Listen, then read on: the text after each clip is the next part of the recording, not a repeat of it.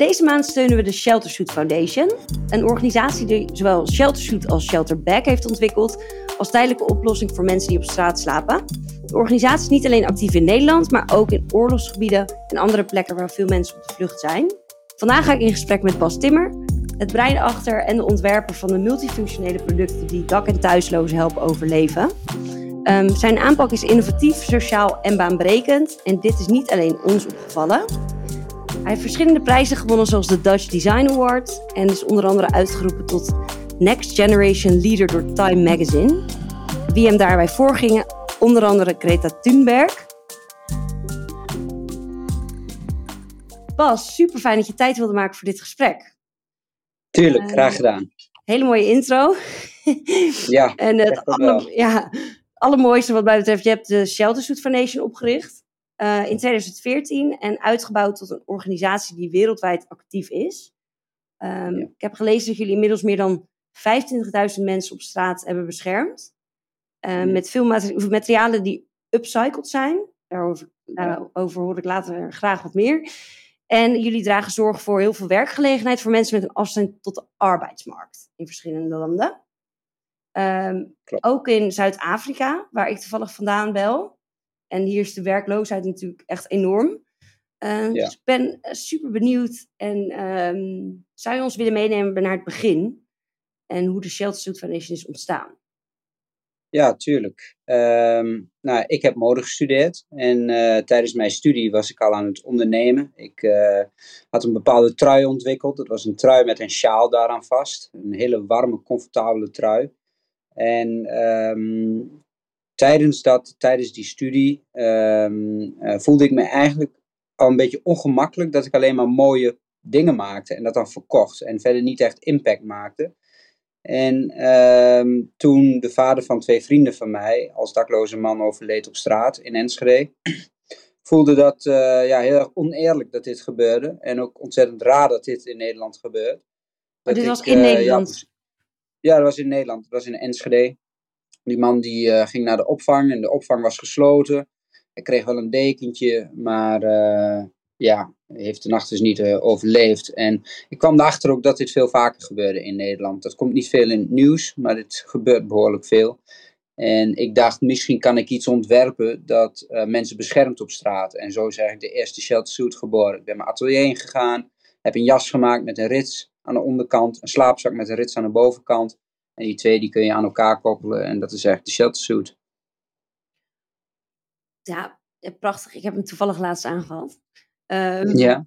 Maar die um, man, ik denk meteen van oké, okay, in Nederland in de winter is dus, hij heeft aangeklopt bij een uh, organisatie en hij, er was geen plek. Nee, nou, het was, uh, volgens mij was het uh, 9, 9 graden boven nul. En uh, de, de regelingen in Nederland zijn zo dat als het vriest, dan gaat de winterkouregeling in. En dan gaan de speciale nachtopvangen open. En die was dus nog niet open. En ik klopte dus aan bij de gewone opvang. En nou ja, die zeiden, we zijn niet, niet open. ik vind het zelf altijd heel bijzonder dat als je een deur kunt open doen, ja. dan ben je open. Maar het bedrijf of de stichting was op dat moment gesloten. Dus hij komt niet naar binnen. En uh, ja, dat hele beleid vind ik sowieso heel erg bizar. Dat er niet ja. genoeg plek is. Of dat er bij een bepaalde temperatuur pas open gegaan wordt. En uh, dat vind ik, uh, ja, vind ik heel erg jammer. Ja, ik kwam hier toevallig laatst ook achter omdat ik contact had met de regenbooggroep. Inderdaad, dat die, die vrieskouregeling, of dat er dan... Ja, dat er dan dus allemaal wijzigingen zijn. Maar um, wat echt een super heftig verhaal. En hoe kende jij deze man? Ja, dat is de vader van twee vrienden van mij. En hij had dus nog wel contact met ze, maar... Ja, nou hij was kort dakloos en um, ja, dit gebeurde. En zij waren natuurlijk ook heel erg geschokt dat dit uh, gebeurde. Ja. Heel heftig. Ja, ik ben, want denk jij, ik wilde eruit, nou, ik heb heel vaak de vraag gekregen, want laatst ben ik voor jullie um, uh, de sleep-out ook op straat gaan slapen. In, of, nou, ja. Op straat was eigenlijk niet op straat, het was gewoon een afgesloten ruimte. Met het idee om iets te onderzoeken hoe het is om dakloos te zijn. En dat kan natuurlijk totaal niet, want je weet helemaal niet hoe dat nee. voelt. Maar je, ja, je kan daarmee natuurlijk wel veel meer aandacht uh, voor vragen. Dus dat, dat vond ik een super mooi initiatief. En toen kreeg ik heel vaak de reactie van mensen van, ja, maar in Nederland hoef je toch niet dakloos te zijn? Ehm, hoe, hoe denk jij daarover? Nou, ik denk dat dat gewoon de, de grootste onzin is. Uh, als je uh, uh, kijkt naar de mens aan zich. we hebben allemaal onze problemen. En die problemen die kunnen er gewoon voor zorgen dat je dakloos raakt. Als je mentale problemen hebt, of huiselijk geweld, of ehm, enorme schulden. en ook door schaamte daar niet op tijd mee durft ja, hulp te vragen. Ja, dan kun je gewoon dakloos raken.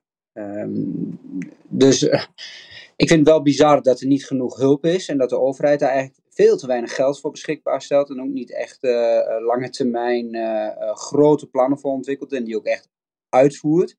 Ehm, dat vind ik wel onbegrijpelijk, maar ik vind het niet onbegrijpelijk dat mensen dakloos zijn raken, en raken. Ja. Ja, ja. Want jij hebt natuurlijk in, in we, zoomen straks even verder in op wat je nu allemaal hebt gedaan. Maar je hebt in ieder geval heel veel mensen ontmoet die dak- en thuisloos mhm. zijn, denk ik, afgelopen mhm. jaren. Wat zijn dat voor type mensen? Heel verschillend. Er zijn mensen die heel verdrietig zijn, die heel eenzaam zijn, uh, die zich schamen. En er zijn ook heel veel mensen die, uh, die heel sterk zijn en zich eigenlijk niet als slachtoffer opstellen, of uh, ja, die, die, die ook echt dat leven op straat ook echt uh, ja, op, een bepaalde manier omarmen. En dat is met name ook in Amerika, waar, uh, waar het heel moeilijk is om van de straat af te komen. Ja, dan is het ook wel begrijpelijk dat je het op een gegeven moment accepteert en ermee omgaat. En er ook als een, uh, ja, een strijder voor ja, instaat. ik ga dit fixen en ik overleef het en ik zoek een comfortabele plek en ik zorg dat ik geld heb uh, en ik probeer van straat af te komen. Dus vol moed.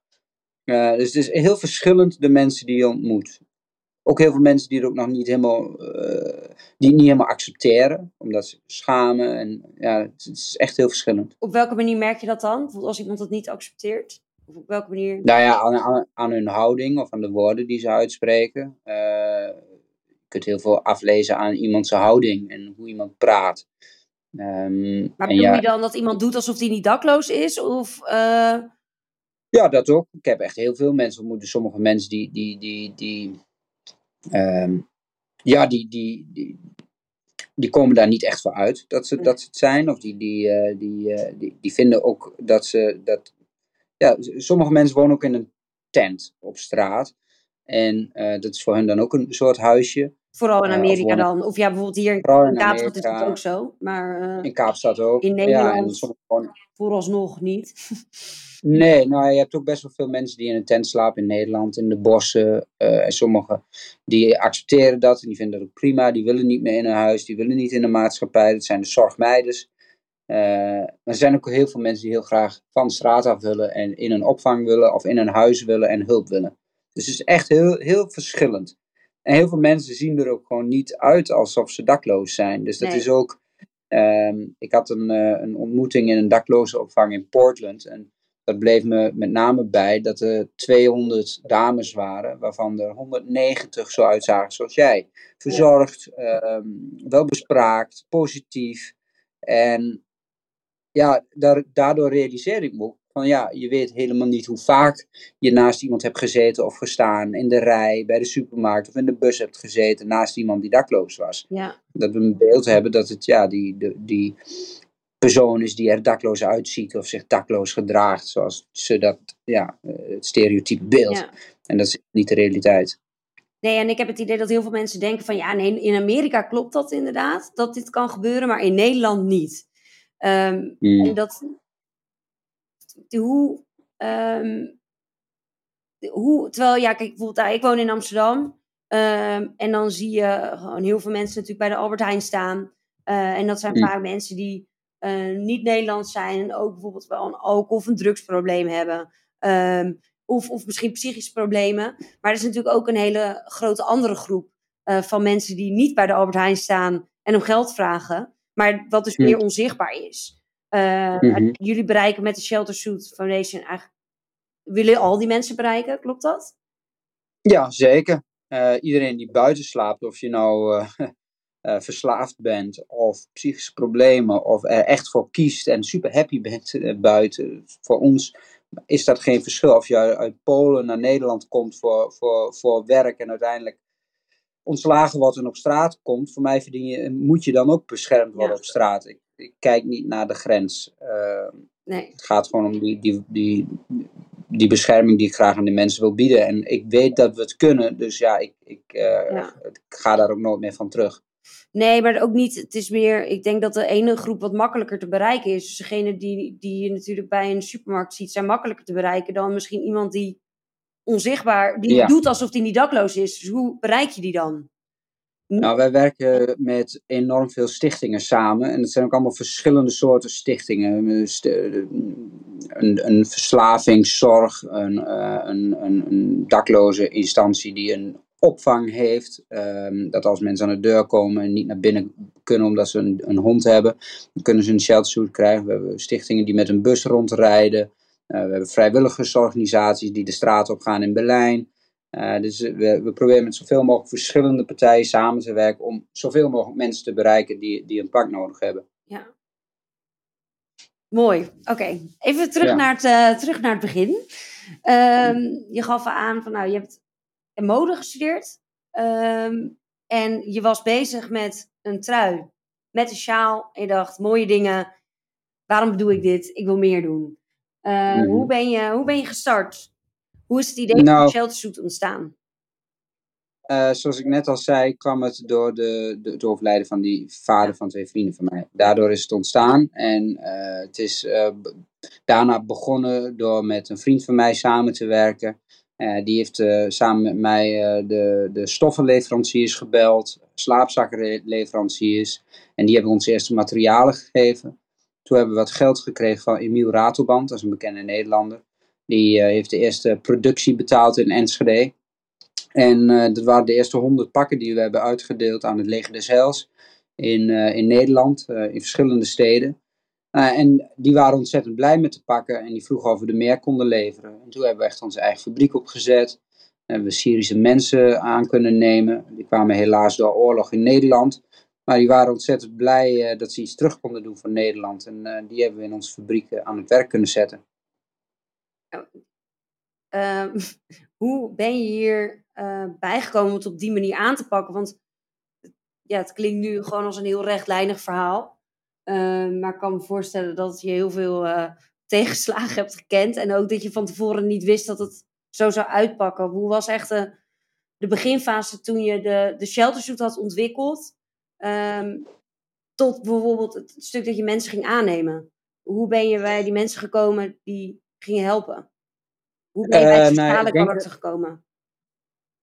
ik denk dat alles tot nu toe heel organisch is gebeurd. We proberen iets goeds te doen voor dakloze mensen door dat pak dan te maken. En dan is, als je dan een productielocatie wilt beginnen, dan is het vrij ja, logisch voor mij om dat ook sociaal te doen. Uh, maar dingen gebeuren ook ja, heel organisch en soms per toeval. En je moet dat toeval moet je natuurlijk wel aangrijpen en gebruiken. En bijvoorbeeld met die Syrische mensen, wij werden gebeld door het AZC. Dat ze in de krant hadden gezien dat wij sheltersuits uitdeelden. En dat zij mensen in het AZC hadden die uh, heel goed konden naaien. En wij hadden toen nog helemaal geen fabriek. Dus uh, toen ze dat zeiden aan de telefoon, dachten wij, hé, hey, dan moeten we een fabriek beginnen. En dan moeten we eens naar het AZC en dan moeten we met die mensen in gesprek. En zo is het eigenlijk constant als kansen zich aandienen, dan proberen we daar dan ja, mee om te gaan. En hetzelfde geldt voor de deadstock uh, materialen ik dacht echt niet toen ik de Sheltersuit begon, kom, we gaan deadstock materialen verzamelen, omdat dat goed is voor de, voor de, voor de wereld. Deadstock materiaal, dat is uh, um, uh, restmateriaal. Dus als je een fabriek hebt, die produceren stof. En um, in dat proces zijn er soms kleine foutjes in de printtechniek of de weeftechniek. Dat maakt de kwaliteit niet minder, maar het is niet verkoopbaar. Nou, omdat het daar ligt in die fabriek, daar kwam ik eigenlijk achter omdat mijn moeder in de textiel zit, wist ik dat er soms ook B-keuze is. En dat is dus de tweede keuze. Uh, of of uh, restmaterialen, dat wist ik. Dus ben ik gewoon gaan vragen, hebben jullie wat stof liggen? En uh, was het antwoord ja. Ik vroeg aan Nomad, de slaapzakkenfabrikant, hebben jullie misschien B-keuze slaapzakken? En toen hadden ze een solde nog vol met slaapzakken die afgekeurd waren, omdat het ritje liep niet goed of er kwam wat vulling naar buiten. En, met een naadje verkeerd of zo, ja. Ja, ja, dan kun je dat niet verkopen. Maar voor de sheltersuit is dat perfect, dat product. Want dat, dat knippen we op en dat is dan de voering van de sheltersuit. Dus ook daar is het. Ik ben nooit begonnen om. Uh, we hebben drie pijlers: dakloze mensen helpen, materialen upcyclen en banen bieden voor mensen die dan een afstand hebben tot de arbeidsmarkt. Maar dat was vanaf het begin niet het idee. Nee. Dus is organisch gegroeid omdat ja, eh, dingen nou eenmaal zo liepen. Ja. En de ideeën kwamen. Het is ook vaak creatief nadenken als je een probleem hebt, dat je zoekt naar een oplossing en die dan probeert uh, te realiseren. Ja. Mooi. En want, oké, want hm. hoe, uh, op, op welke manier helpen jullie dus? Dus oké, er zijn mensen uit ACC's werken bij jullie uh, in de fabriek. Hoe, hoe zit dat? hoe, hoe werkt dat? Hoe... Nou, nou, toen we begonnen hadden we een, eh, een gratis uh, ruimte, gratis machines, gratis stof. Uh, maar we hadden eigenlijk geen geld. Dus wat we hebben gedaan is, we hebben een, een stichting opgericht. Shelter Suit Foundation. En zijn donaties gaan vragen. Met name in ons directe netwerk. Dus bij de bakkerij die je kende. Of het advocatenkantoor. en direct al waren mensen wel geïnteresseerd om te doneren.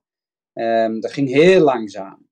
En op een gegeven moment, uh, ik was 2,5 jaar lang of drie jaar lang vrijwilliger bij de stichting, vijf dagen in de week. En in het weekend was ik uh, kok. Op een gegeven moment hield ik dat gewoon niet meer vol. En toen was er een, uh, een stichting in, in Eindhoven. Die zei, ga nou eens echt een businessplan ontwikkelen, waarbij je echt de strategie om geld binnen te halen uitzet. je kunt bedrijven benaderen, je kunt consumenten benaderen en je kunt andere stichtingen benaderen voor geld. En uh, met dat geld kun je banen creëren. Het belangrijkste is dat jij eerst, Bas, een, een, een, normaal salaris hebt. En dat je vanuit daar dus rust creëert en ook andere mensen kunt aannemen. Nou, dat plan is gelukt. Start Foundation, uh, dat is de stichting uit Eindhoven, die heeft ons uh, gefinancierd en ge geholpen om dat plan ook echt goed te maken. En zo zijn we steeds iets meer geld gaan ophalen. En konden we ook de mensen die uit het AZC inmiddels ook al twee jaar vrijwilligerswerk deden bij ons, een baan bieden. En daar waren zij ook super blij mee, want ze vonden het niks om in de bijstand te zitten. En, want ze zaten ehm, tegelijkertijd in de bijstand. Ze mochten wel werken al, maar ze wilden heel mm, graag bij jullie betrokken zijn. Of, want heel vaak mogen mensen ook niet werken, toch? Nee, ja, in het begin mochten mensen wel werken bij het, uh, als je in het AZC zat. Alleen uh, als je de taal niet spreekt, dan vinden je een ja. baan. Ja, en bij ons spreken ze de taal van de naaimachine. Dus dat is het, uh, het leuke. Bij ons hadden mensen helemaal geen afstand tot de arbeidsmarkt. Er waren juist nee, ze konden juist supergoed hun werk gewoon doen. Ja. Precies, precies. En wij hielpen ze dan met de Nederlandse taal, met het vinden van een huis in Enschede. Want dat was ook nog het risico dat mensen in het AZC uh, eh, een gemeente toegewezen konden krijgen die te oh, ver van Enschede af was. ineens in, uh, weet ik veel. In Apeldoorn of in Rotterdam. Ja, en dus wij vonden huizen in, uh, in Enschede. En ik denk dat nu zo'n acht of tien mensen van die eerste club nog steeds bij ons werken en in Enschede wonen. Maar hoe lang is dat dan nu? Bijna tien jaar? Ja, 2014 zijn we begonnen en het is nu 2024. Ja, oh wauw. Wow, wow. Dit is het jubileumjaar, tien jaar Sheltersuit. Wauw, inderdaad, het is 2024. Gefeliciteerd met het tien jaar. Dankjewel. Uh, in november is het zover. Toen, toen okay, hebben we onze stichting opgericht. Ja. En hoe is jullie band dan onderling? Want ik kan me voorstellen, oké, deze mensen zijn bij het begin betrokken. Hoe groot is verder jullie team? Met wie werken jullie allemaal samen hier aan? Je kon dus eindelijk mensen nou, aannemen? ja, nou we hebben nu inmiddels ook echt een professioneel bestuur. Uh, zes mensen in het bestuur. Uh, die ook echt uh, uit uh, ja, de, de, de, ene persoon komt echt uit een ondernemerswereld, de andere komt uit een filantropiewereld, de andere uit logistiek, ander werd politiek en een advocaat. En daar zit ik ook bij. En daaronder hebben we een directeur in de Nederlandse stichting met een team dat um, verantwoordelijk eigenlijk is om het geld binnen te halen. Dus het is een fundraiser, een communicatie, iemand. Nou, en daaronder hebben we dan de fabriek die de pakken maakt. Um, we maken nu 10.000 pakken per jaar. Dat is heel veel. En we hebben zo'n uh, eh, 35 mensen daar aan het werk in de fabriek. En dan hebben we ook een distributiemanager. Die managt dan dat de pakken die gemaakt worden, uh, uitgedeeld worden, verzonden worden naar stichtingen. En de stichtingen delen het dan weer uit aan uh, de dakloze mensen. En in die fabriek werken nog steeds, ik denk ja, bijna iedereen ehm, die toch een bepaalde ja, een, een, hulp nodig heeft met of de taal of ehm, nou, wat, wat voor hulp dan ook maar nodig is. Dus het is een hele sociale fabriek. En we hebben die fabriek als eerste kunnen kopiëren, dit hele concept, naar Zuid-Afrika. En daar hebben we nu een fabriek waar uh, 12, 13 mensen werken. Er werken eigenlijk alleen maar dames achter de naaimachine. Daar wordt de shelter bag gemaakt. Dat is dus de tas die uitrolt tot een, een matrasje, een eenpersoons slaapplekje is dat. Want die, die shelter doet, oké, okay, ja. Um, een, ja, onderkant, een soort slaapzak eigenlijk. Die mm vastrit, ook aan de onderkant. En die is vooral eh, bedoeld om kou tegen te Ja, ja. Ja, nou de shelterbag ook hoor. Maar de okay. sheltersuit is dus die waterdichte jas met aanritsbare slaapzak. Die we leveren in een backpack. Uh, je kunt de jas overdag dragen. En s'nachts doe je de slaapzak eraan vast. En als je dan wakker wordt, doe je de slaapzak weer in de tas. En ben je uh, mobiel. Uh, alleen de sheltersuit is niet geschikt voor bijvoorbeeld Kaapstad. Terwijl het in Kaapstad in de winter s'nachts ook goed koud is. Ja. Wind, regen. En, heel harde um, wind, ja. Heel harde wind. Dus gewoon echt, wil je ook echt niet buiten liggen nee. in de winter. Nou, als je dan warm slaapt in een shelterbag, dat is dus een matras met een waterdichte hoes eromheen, uh, dan ben je beschermd tegen de wind en de regen. Maar overdag is het wel redelijk warm. En dan heb je dus geen warme jas nodig. Dus dan rol je die shelterbag op en heb je gewoon een rugtasje op je rug. En ben je uh, s'nachts beschermd en overdag uh, ja, mobiel. Ja, en hoeveel, uh, want ik zag ook dat jullie in, in Engeland actief waren. Mm -hmm. Welke landen ja. nog meer allemaal? Nou, dus Nederland, Zuid-Afrika, Engeland zijn we net begonnen. Er was een man, Ian heet hij, die heeft ons benaderd. Die zei, nou, dat is een fantastisch concept, dit wil ik ook in Londen doen of in de UK. En uh, nou, die is begonnen. We hebben hem geholpen met de techpacks, uh, met fundraising, uh, met de marketing. Nou, en hij zet dat nu, heeft dat dus opgezet. Hij heeft nu ook een heel klein fabriekje met twee mensen, dacht ik, achter de machine. En die importeert ook soms sheltersuits vanuit Nederland of Zuid-Afrika. En dan gaat een hele container vol met shelterbags van Zuid-Afrika naar Engeland. en we hebben nog een stichting in de US, in New York. En zij importeren ook sheltersuits, shelterbags, volle containers. En dankzij een partnership met uh, Maersk, dat is een heel groot transportbedrijf, een ja. containermaatschappij, een um, logistiek. Die importeert dat voor ons gratis en uh, dan gaat dat van soms naar New York een container. We hebben net in de afgelopen jaren al drie containers naar Portland gedaan. Portland is, heeft een enorm daklozenprobleem, maar ook natuurlijk San Francisco, Los Angeles, Detroit, zelfs Latijns-Amerika. delen ze dan uit in Bogota en Rio. Dus we gaan nu echt overal naartoe, de, de sheltersuits en shelterbags. Sinds wanneer is het van Nederland naar meerdere landen gegaan? Wanneer was de start om... Mm, ik, denk al, ik denk al wel een jaar uh, twee dat ik uh, met een busje met 100 sheltersuits naar Parijs reed. Oh ja. uh, ik heb nooit, ik heb altijd die internationale ambitie gehad om niet alleen omdat ik, dat, omdat ik graag de wereld zie, want ik zie ook graag, gewoon graag de wereld, maar met name omdat ik ook wil laten zien dat iedereen ertoe doet, ongeacht je nationaliteit. Ja. Ongeacht je financiële uh, achtergrond of situatie of cultuur. En daarom zijn we naar Parijs en daarna zijn we naar, naar, ook naar Engeland en door heel Europa.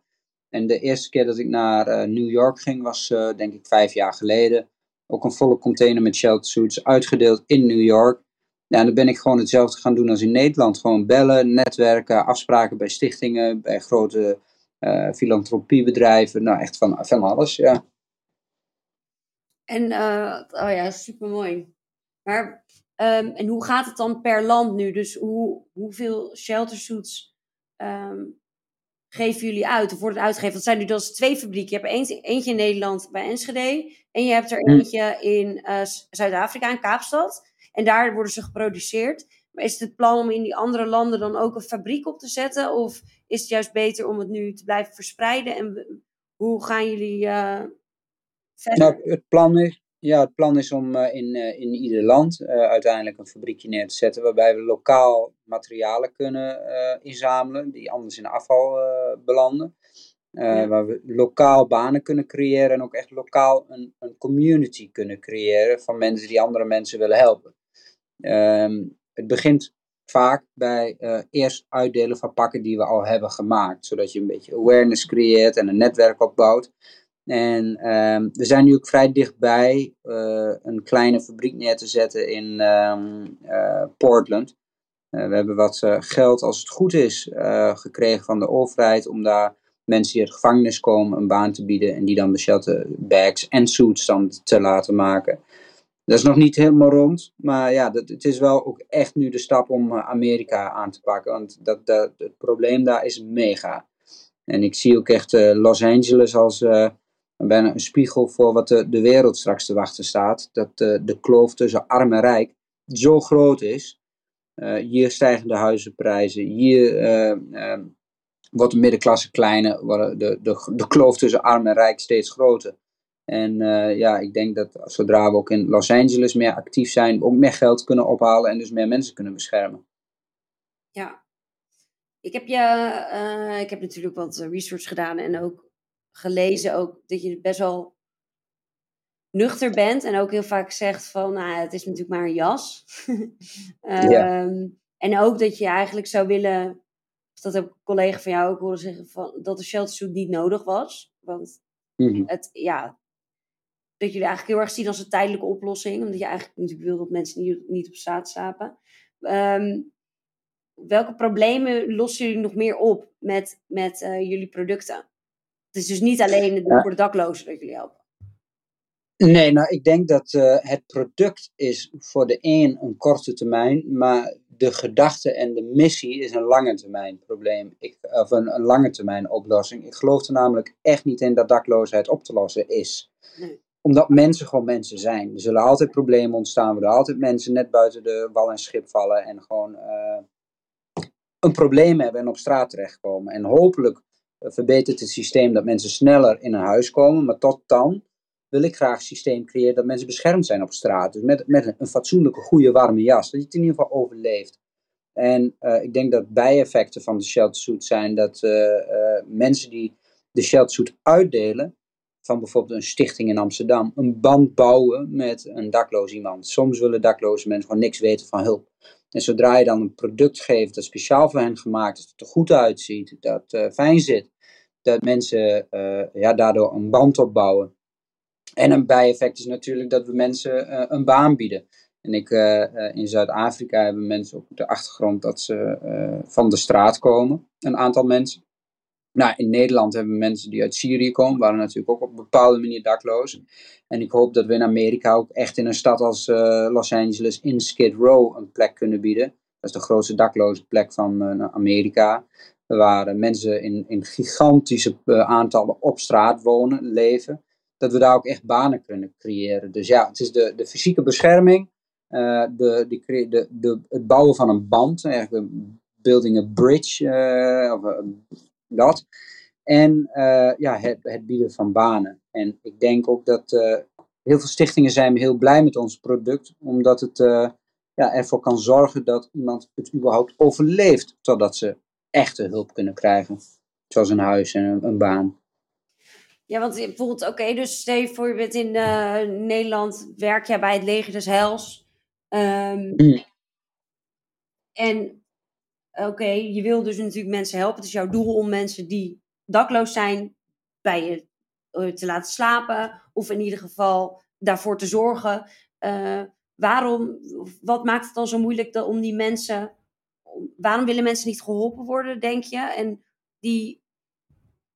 Ook heel verschillend. Oké, dus, het zijn uh, alle... Voor, ja, iedereen is verschillend. Dus, ja. nou, er was net een artikel in de Volkskrant uh, twee, drie dagen geleden dat uh, Leger des Heils ging de straat op om mensen te helpen in deze, in deze kou. En er waren dan twee mensen die uh, ook met redelijke onderkoelingsverschijnselen eh, buiten waren, maar gewoon echt niet naar binnen wouden.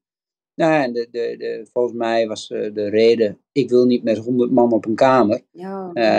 Uh, dus er zijn zoveel redenen. Ik heb een hond, ik wil mijn hond niet achterlaten. Ik wil met mijn vrouw samen zijn ik ga niet naar binnen, want vaak wordt het gescheiden man en vrouw apart. Uh, er zijn zoveel redenen. Maar dit klinkt voor, kijk, ik denk dat dit voor heel veel mensen uh, niet voor te stellen is. Dus kijk, als je natuurlijk vaker uh, met mensen in contact komt, je hoort dit soort verhalen vaker, maar ik heb bijvoorbeeld nooit over nagedacht dat iemand bijvoorbeeld zijn hond niet wil achterlaten of dat het gescheiden wordt gehouden. Nee. Dat zijn allemaal, als je dat denkt, denk je, oh ja, goed, ik snap het wel. Alleen dat is voor heel veel mensen natuurlijk best wel ver van je, van je bedshow. Die je denkt, hoezo ga je niet binnen liggen als min 9 ja, is? Ga naar binnen. Ja, ja, maar ja, er zijn inderdaad dus heel veel redenen waarom mensen het niet doen. Ja. Een reden kan ook zijn dat mensen verslaafd zijn aan drugs. En dat vind ik ook vrij pijnlijk om te horen. Ja, je bent verslaafd aan drugs, dan zoek het maar zelf uit. Ja, terwijl dat is ook een... Ik, ja. Het is ook een resultaat vaak. Dus, het is helemaal niet vaak een oorzaak, het is vaak een gevolg. Van, van ja, precies. Ik, ik, kan me nog herinneren dat ik met een, eh, een, een hulporganisatie in Los Angeles praatte. Ik zei, hoe kan het toch dat iedereen hier zo verslaafd is? Ja. Die zeiden ze, nou, ga maar eens tien dagen in deze hel slapen. En dat je botten pijn doen van het beton. En je hebt het ijskoud s'nachts. En iedereen zit om je heen aan de drugs. En je, je, je kunt voor maar 5 dollar de allerbeste pijnstiller ooit kopen. Ja. Nou. Ja, en, op, en op dan maar weg in je hoofd.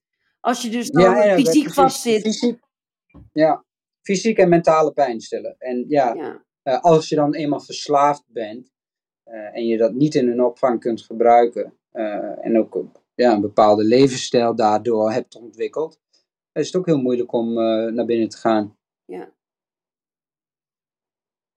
Ja, um, ik denk, uh, ja, ik hoop niet dat we de, de kant van Amerika overgaan. Maar volgens mij is in uh, Nederland, ik, ik weet natuurlijk de cijfers niet, maar in ieder geval zie ik zelf met mijn eigen ogen dat het gewoon erger is geworden. zie, ja, dat zeggen de cijfers ook. Het wordt steeds erger. Je ziet het uh, echt. Ik merk echt, als ik dus in de stad loop, in Nederland, in Amsterdam, denk ik, elke portiek ligt nu iemand in te ja. slapen. En dat is dan bijvoorbeeld in de Utrechtse straat, in het centrum. Dat was eerst echt niet zo. En um, dat is echt schrijnend en dat laat genoeg zien. En ook veel mensen inderdaad die hun hoofd bedekken. En je weet helemaal niet wie dat zijn. Je weet helemaal niet wat daar de volgende dag gebeurt. En inderdaad, je kan mensen gewoon eh, tegenkomen. Die huisprijzen ja. natuurlijk ook echt niet normaal. En de tekorten. Oh, um, gaat even iets mis. Um, maar, nou, ik, ik hoop heel erg dat, uh, dat de sheltersuits in ieder geval bij de juiste mensen terechtkomen. En dat ze dus niet zo lang daarin uh, in hoeven te slapen. In hoeven te slapen. Ja. Um, ja. Ik, ik uh, heb begrepen dat jij nu bent afgetreden als uh, directeur. Klopt dat? Mm, ja, ik uh, zit nu gewoon in het bestuur. En ik ben met name heel erg druk om naast Shelter ook een kledingmerk op te zetten. Dat um, geld kan doneren aan de stichting. Maar dat ook dakloze mensen een podium geeft. zowel in de storytelling als in, als in werk. Ja. Um, en waarbij ik ook echt de inspiratie van de afgelopen tien jaar verwerk in de kleding. Um, maar het is heel erg moeilijk. Er zijn heel veel beginnende kledingmerken. Ja. En je hebt daarvoor echt een heel goed plan nodig. En ook uh, de financiën om dat uh, waar te kunnen maken. Um, dus ja, daar ben ik heel druk mee bezig om dat te ontwikkelen. Oké, okay, en hoe, weet je dan al hoe dat gaat heten? Nee, daar zeg ik nog helemaal niks okay. over. en want um, en in, op welke manier heb je dan nu, uh, heb je dan nu de Shelter Suit Foundation zelf helemaal achter je gelaten? Of als bestuurslid, nee. op welke manier ben je dan betrokken? Nou, ik ben heel erg betrokken bij het creatieve gedeelte en het marketinggedeelte. Dus ik, uh, ik ben eigenlijk een, een constante ideeënmachine. Ik zit constant na te dromen over dingen. Ja. Dus ik uh, uh, heb wekelijks een meeting met de, met de marketing over uh, hoe we onze storytelling doen, hoe we de verhalen van de dakloze mensen vertellen. De reactie die jij net gaf, dat mensen eigenlijk niet goed weten waarom mensen dakloos zijn, waarom mensen niet naar binnen willen, wat de reden is waarom mensen dakloos zijn. Dat wil ik graag vertellen. En ik wil het op een hele mooie manier doen, zodat mensen er graag naar kijken. Ik wil dat niet ja. doen op een zielige manier, maar op een hele empowerende manier. Dus een, ja. een, een, een, een, positieve manier. Uh, maar wel een echte manier. Dus uh, ook geen, geen doekjes omheen winnen. Gewoon dit this is it. Ja. Uh, nou, daar ben ik dan druk mee bezig om dat met de stichting ja, te ontwikkelen. ik ben ook bezig om de producten, de shelter suit en de shelter bag, die moeten constant verbeterd worden. Gebaseerd op feedback. Dat ben ik aan het doen. Er moet ook een derde product komen. Ja, sommige mensen hebben ook behoefte aan misschien een hele warme jas of onderkleding of Dus dat is dan, hygiëneproducten. Je hebt dan de, de suit, de bag en er moet een... Er moet meer bij. Kijk, als ik uh, honderd, ik zeg het wel eens zo dat als je 100 mensen op een rij zet, ik denk dat misschien 25 mensen kiezen voor de shelter suit, Hmm. misschien 30 mensen voor de shelter bag, uh, maar ik wil die andere uh, 45 mensen of 40 Ja. mensen, wil ik graag dat ze ook een, een, een product kunnen krijgen. En de een heeft behoefte aan een hele warme, dikke, wollen hoodie. En de ander heeft behoefte aan uh, onderkleding, uh, ondergoed of thermokleding. En ik wil graag dat we dat, we dat assortiment wat uitbreiden, zodat we voor iedereen wat hebben. En ja, um, ja de, de een is heel erg blij met de sheltersuit en de ander die heeft al een jas en die heeft al een slaapzak en die woont al in een tent. Um, maar heeft heel erg behoefte aan sokken of schoenen. Nou, ja. dat is ook echt mijn droom, dat de, de, ook mijn doelen eigenlijk om meer producten te creëren voor dakloze mensen.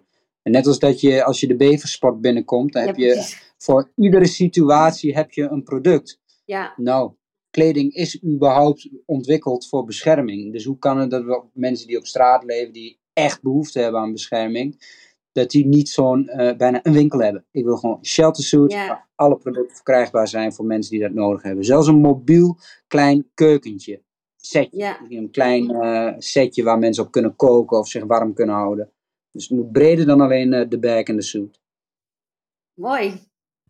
Ja. Ik, ik hoop... Dus, eh, dus ja, ik ben nog steeds heel erg betrokken en ik doe dit soort dingen, dat ik met jou erover praat of met, uh, met, met wie dan ook, iedereen die erover wil praten. En ook fundraising, met name in de modewereld. Dus uh, we werken samen met Chloe, met Nike, met Balenciaga. Er zijn een aantal merken die ons dan stoffen doneren en soms ook geld. En nou, daar zijn we ontzettend blij mee dat ze het doen. en wij spreken een beetje dezelfde taal, omdat ik mode heb gestudeerd, dus daar ben ik met name in, mee in contact. Hoe, ja, je hebt het ook even over, de, gewoon sowieso natuurlijk over de, de fondsenwerving. Um, hoe duur is een pak en hoe duur is een, um, een bag? En hoe wordt dat nou, nu betaald? Nou, een, een shelter suit kost ons 300 euro om te maken. Dat komt omdat een shelter suit is een jas, een slaapzak en een tas. En dat is best arbeidsintensief, omdat de materialen, uh, dat deadstock zit vaak op kleine rolletjes. De slaapzakken moeten geknipt worden, moeten gewassen worden. Nou, en het maken is dus iets van 7 uur. Dus dat, uh, in totaal is dat ongeveer 300 euro. Dat hebben we nodig van um, uh, burgers, bedrijven of stichtingen. En zodra we het pak hebben gemaakt, geven wij het gratis weg. Dus de dakloze hoeft daar nooit voor te betalen. Nee. Het liefste hebben wij dat stichtingen, zoals het Leger de Zeils of de Regenbooggroep, ons een bijdrage doet, zodat we weer meer pakken kunnen maken. We zijn een ambi-stichting, dus dat is een algemeen nut beoogde instelling. Dus dan is je donatie ook belastingaftrekbaar. Uh, de shelter bag is minder werk. Die kost ons rond de 100 euro om te maken in Nederland. En in Zuid-Afrika ligt het uh, uh, uurloon lager en de, de kosten ook voor de deadstocks is lager. Dus soms krijgen we het gratis, soms moeten we het inkopen. Waarvoor wordt het nu volgens mij 45 euro is daar de shelter bag te maken. En dat is ook een stichting. Dus het zijn, het zijn allemaal stichtingen. En dat wordt allemaal gefinancierd door grote bedrijven, kleine bedrijven, fondsen en mensen zoals jij. Want jij hebt ook geld ingezameld omdat je buiten hebt geslapen.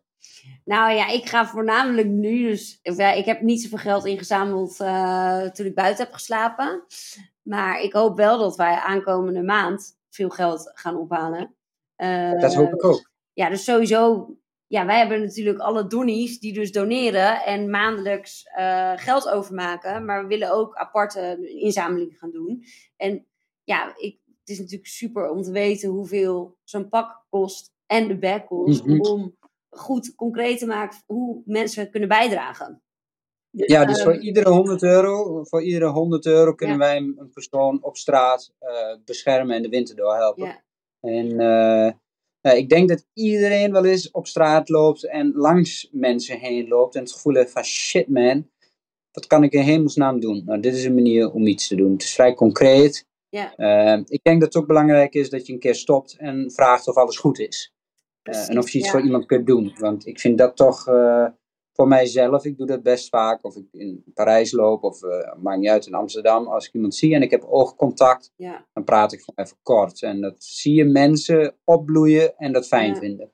Dus, uh, en dat is ook gewoon heel belangrijk, dat je realiseert dat het mensen zijn zonder dak. Maar voor de rest zijn het gewoon mensen, zoals jij en ik. Precies, en niet die. God, nou ja, lijkt me vreselijk om onzichtbaar te zijn en dat mensen om je heen lopen en, en, misschien bang voor je zijn of uh, weet ik veel. Ja, je kan ook vaak niet douchen natuurlijk en mensen, dat mensen reageren van: oh, dat.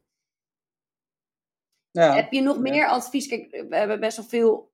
Waarom ik met Donnie ben begonnen, is omdat ik het heel moeilijk vond om keuze te maken tussen verschillende uh, eigenlijk goede doelen, maar ook bijvoorbeeld initiatieven. En ook, ik kan het, vind het vreselijk om iemand te zien bijvoorbeeld die dakloos is. En dan denk ik, oh god, je zou het maar zijn, weet je wel. Maar aan de hmm. andere kant, uh, het zijn zoveel dingen natuurlijk, zoveel problemen eigenlijk die, hmm. die uh, aandacht verdienen. En ook waar verbetering nodig is.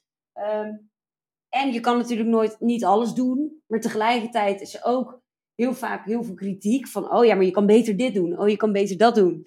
Wat, wat is hmm. jouw advies aan mensen die iets willen ondernemen? Um, om, om de wereld een stukje beter te maken, in welk gebied dan ook?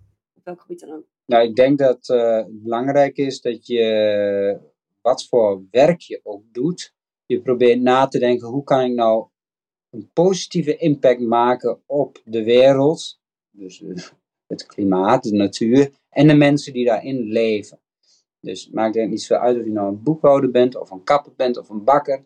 Hoe kan ik er nou voor zorgen dat ik ook echt iets positiefs achterlaat voor mijn omgeving? Dat kan heel dichtbij huis zijn, dat kan ook ver weg zijn. Maar als je dat gevoel hebt, dan raad ik aan om er ook gewoon wat aan te doen. Uh, ik heb altijd dat gevoel gehad en op een gegeven moment dacht ik, ja, ik ga het ook gewoon doen. Want ik wil niet dat ik, uh, uh, als ik later met pensioen ben of wat dan ook, als ik oud en, uh, en kreupel ben, dat ik dan niet heb gedaan waar ik, uh, een, wat, wat ik graag wou. Dus ja, ik denk dat iedereen wel eens dat gevoel heeft van ik wil graag wat goeds doen, doe het dan ook. En je kunt het bij een stichting zoeken, dus bij jou in de buurt zijn. Heel veel stichtingen die dakloze mensen helpen. Ga er naartoe, vraag of je een keer een middag kunt helpen in de soepkeuken. Of ga een keer vragen of je voor oudere mensen iets mag doen. Het is zo breed waar hulp nodig is, maar doe het ook gewoon. Dat is denk ik mijn advies. Ja. Nou, uh, lijkt me helemaal helder. Uh, en het leukste is dat, dat als je zoiets doet, dat je er zelf ook blij van wordt. Want ik uh, ga nooit meer terug naar gewoon maar kleding maken en dat verkopen. Ik wil altijd streven naar een positieve impact op de, de, de wereld en de mens. Omdat het me gewoon even teruggeeft. Ik word er zelf erg blij van. door de reacties van mensen en dat ik gewoon, ja, mezelf in de spiegel kan aankijken. Dus het is ook gewoon belangrijk dat je het voor jezelf doet. Uh, denk ik. Ja, het is natuurlijk, je, je kan zo makkelijk naar je telefoon kijken, inderdaad, als je langs iemand loopt bijvoorbeeld ook. Of voor kiezen om niks te doen. Terwijl uiteindelijk als je het wel doet, of je maakt even een praatje met iemand, in plaats van dat je je aandacht volgt of je telefoon volgt. En uh, ja, een beetje in je comfortzone zit. Uiteindelijk als je wel die stap zet, ik heb dat ook. Dat, dat, dat ik ben zo.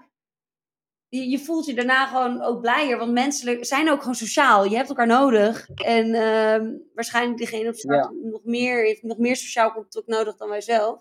Dan ik. Ja.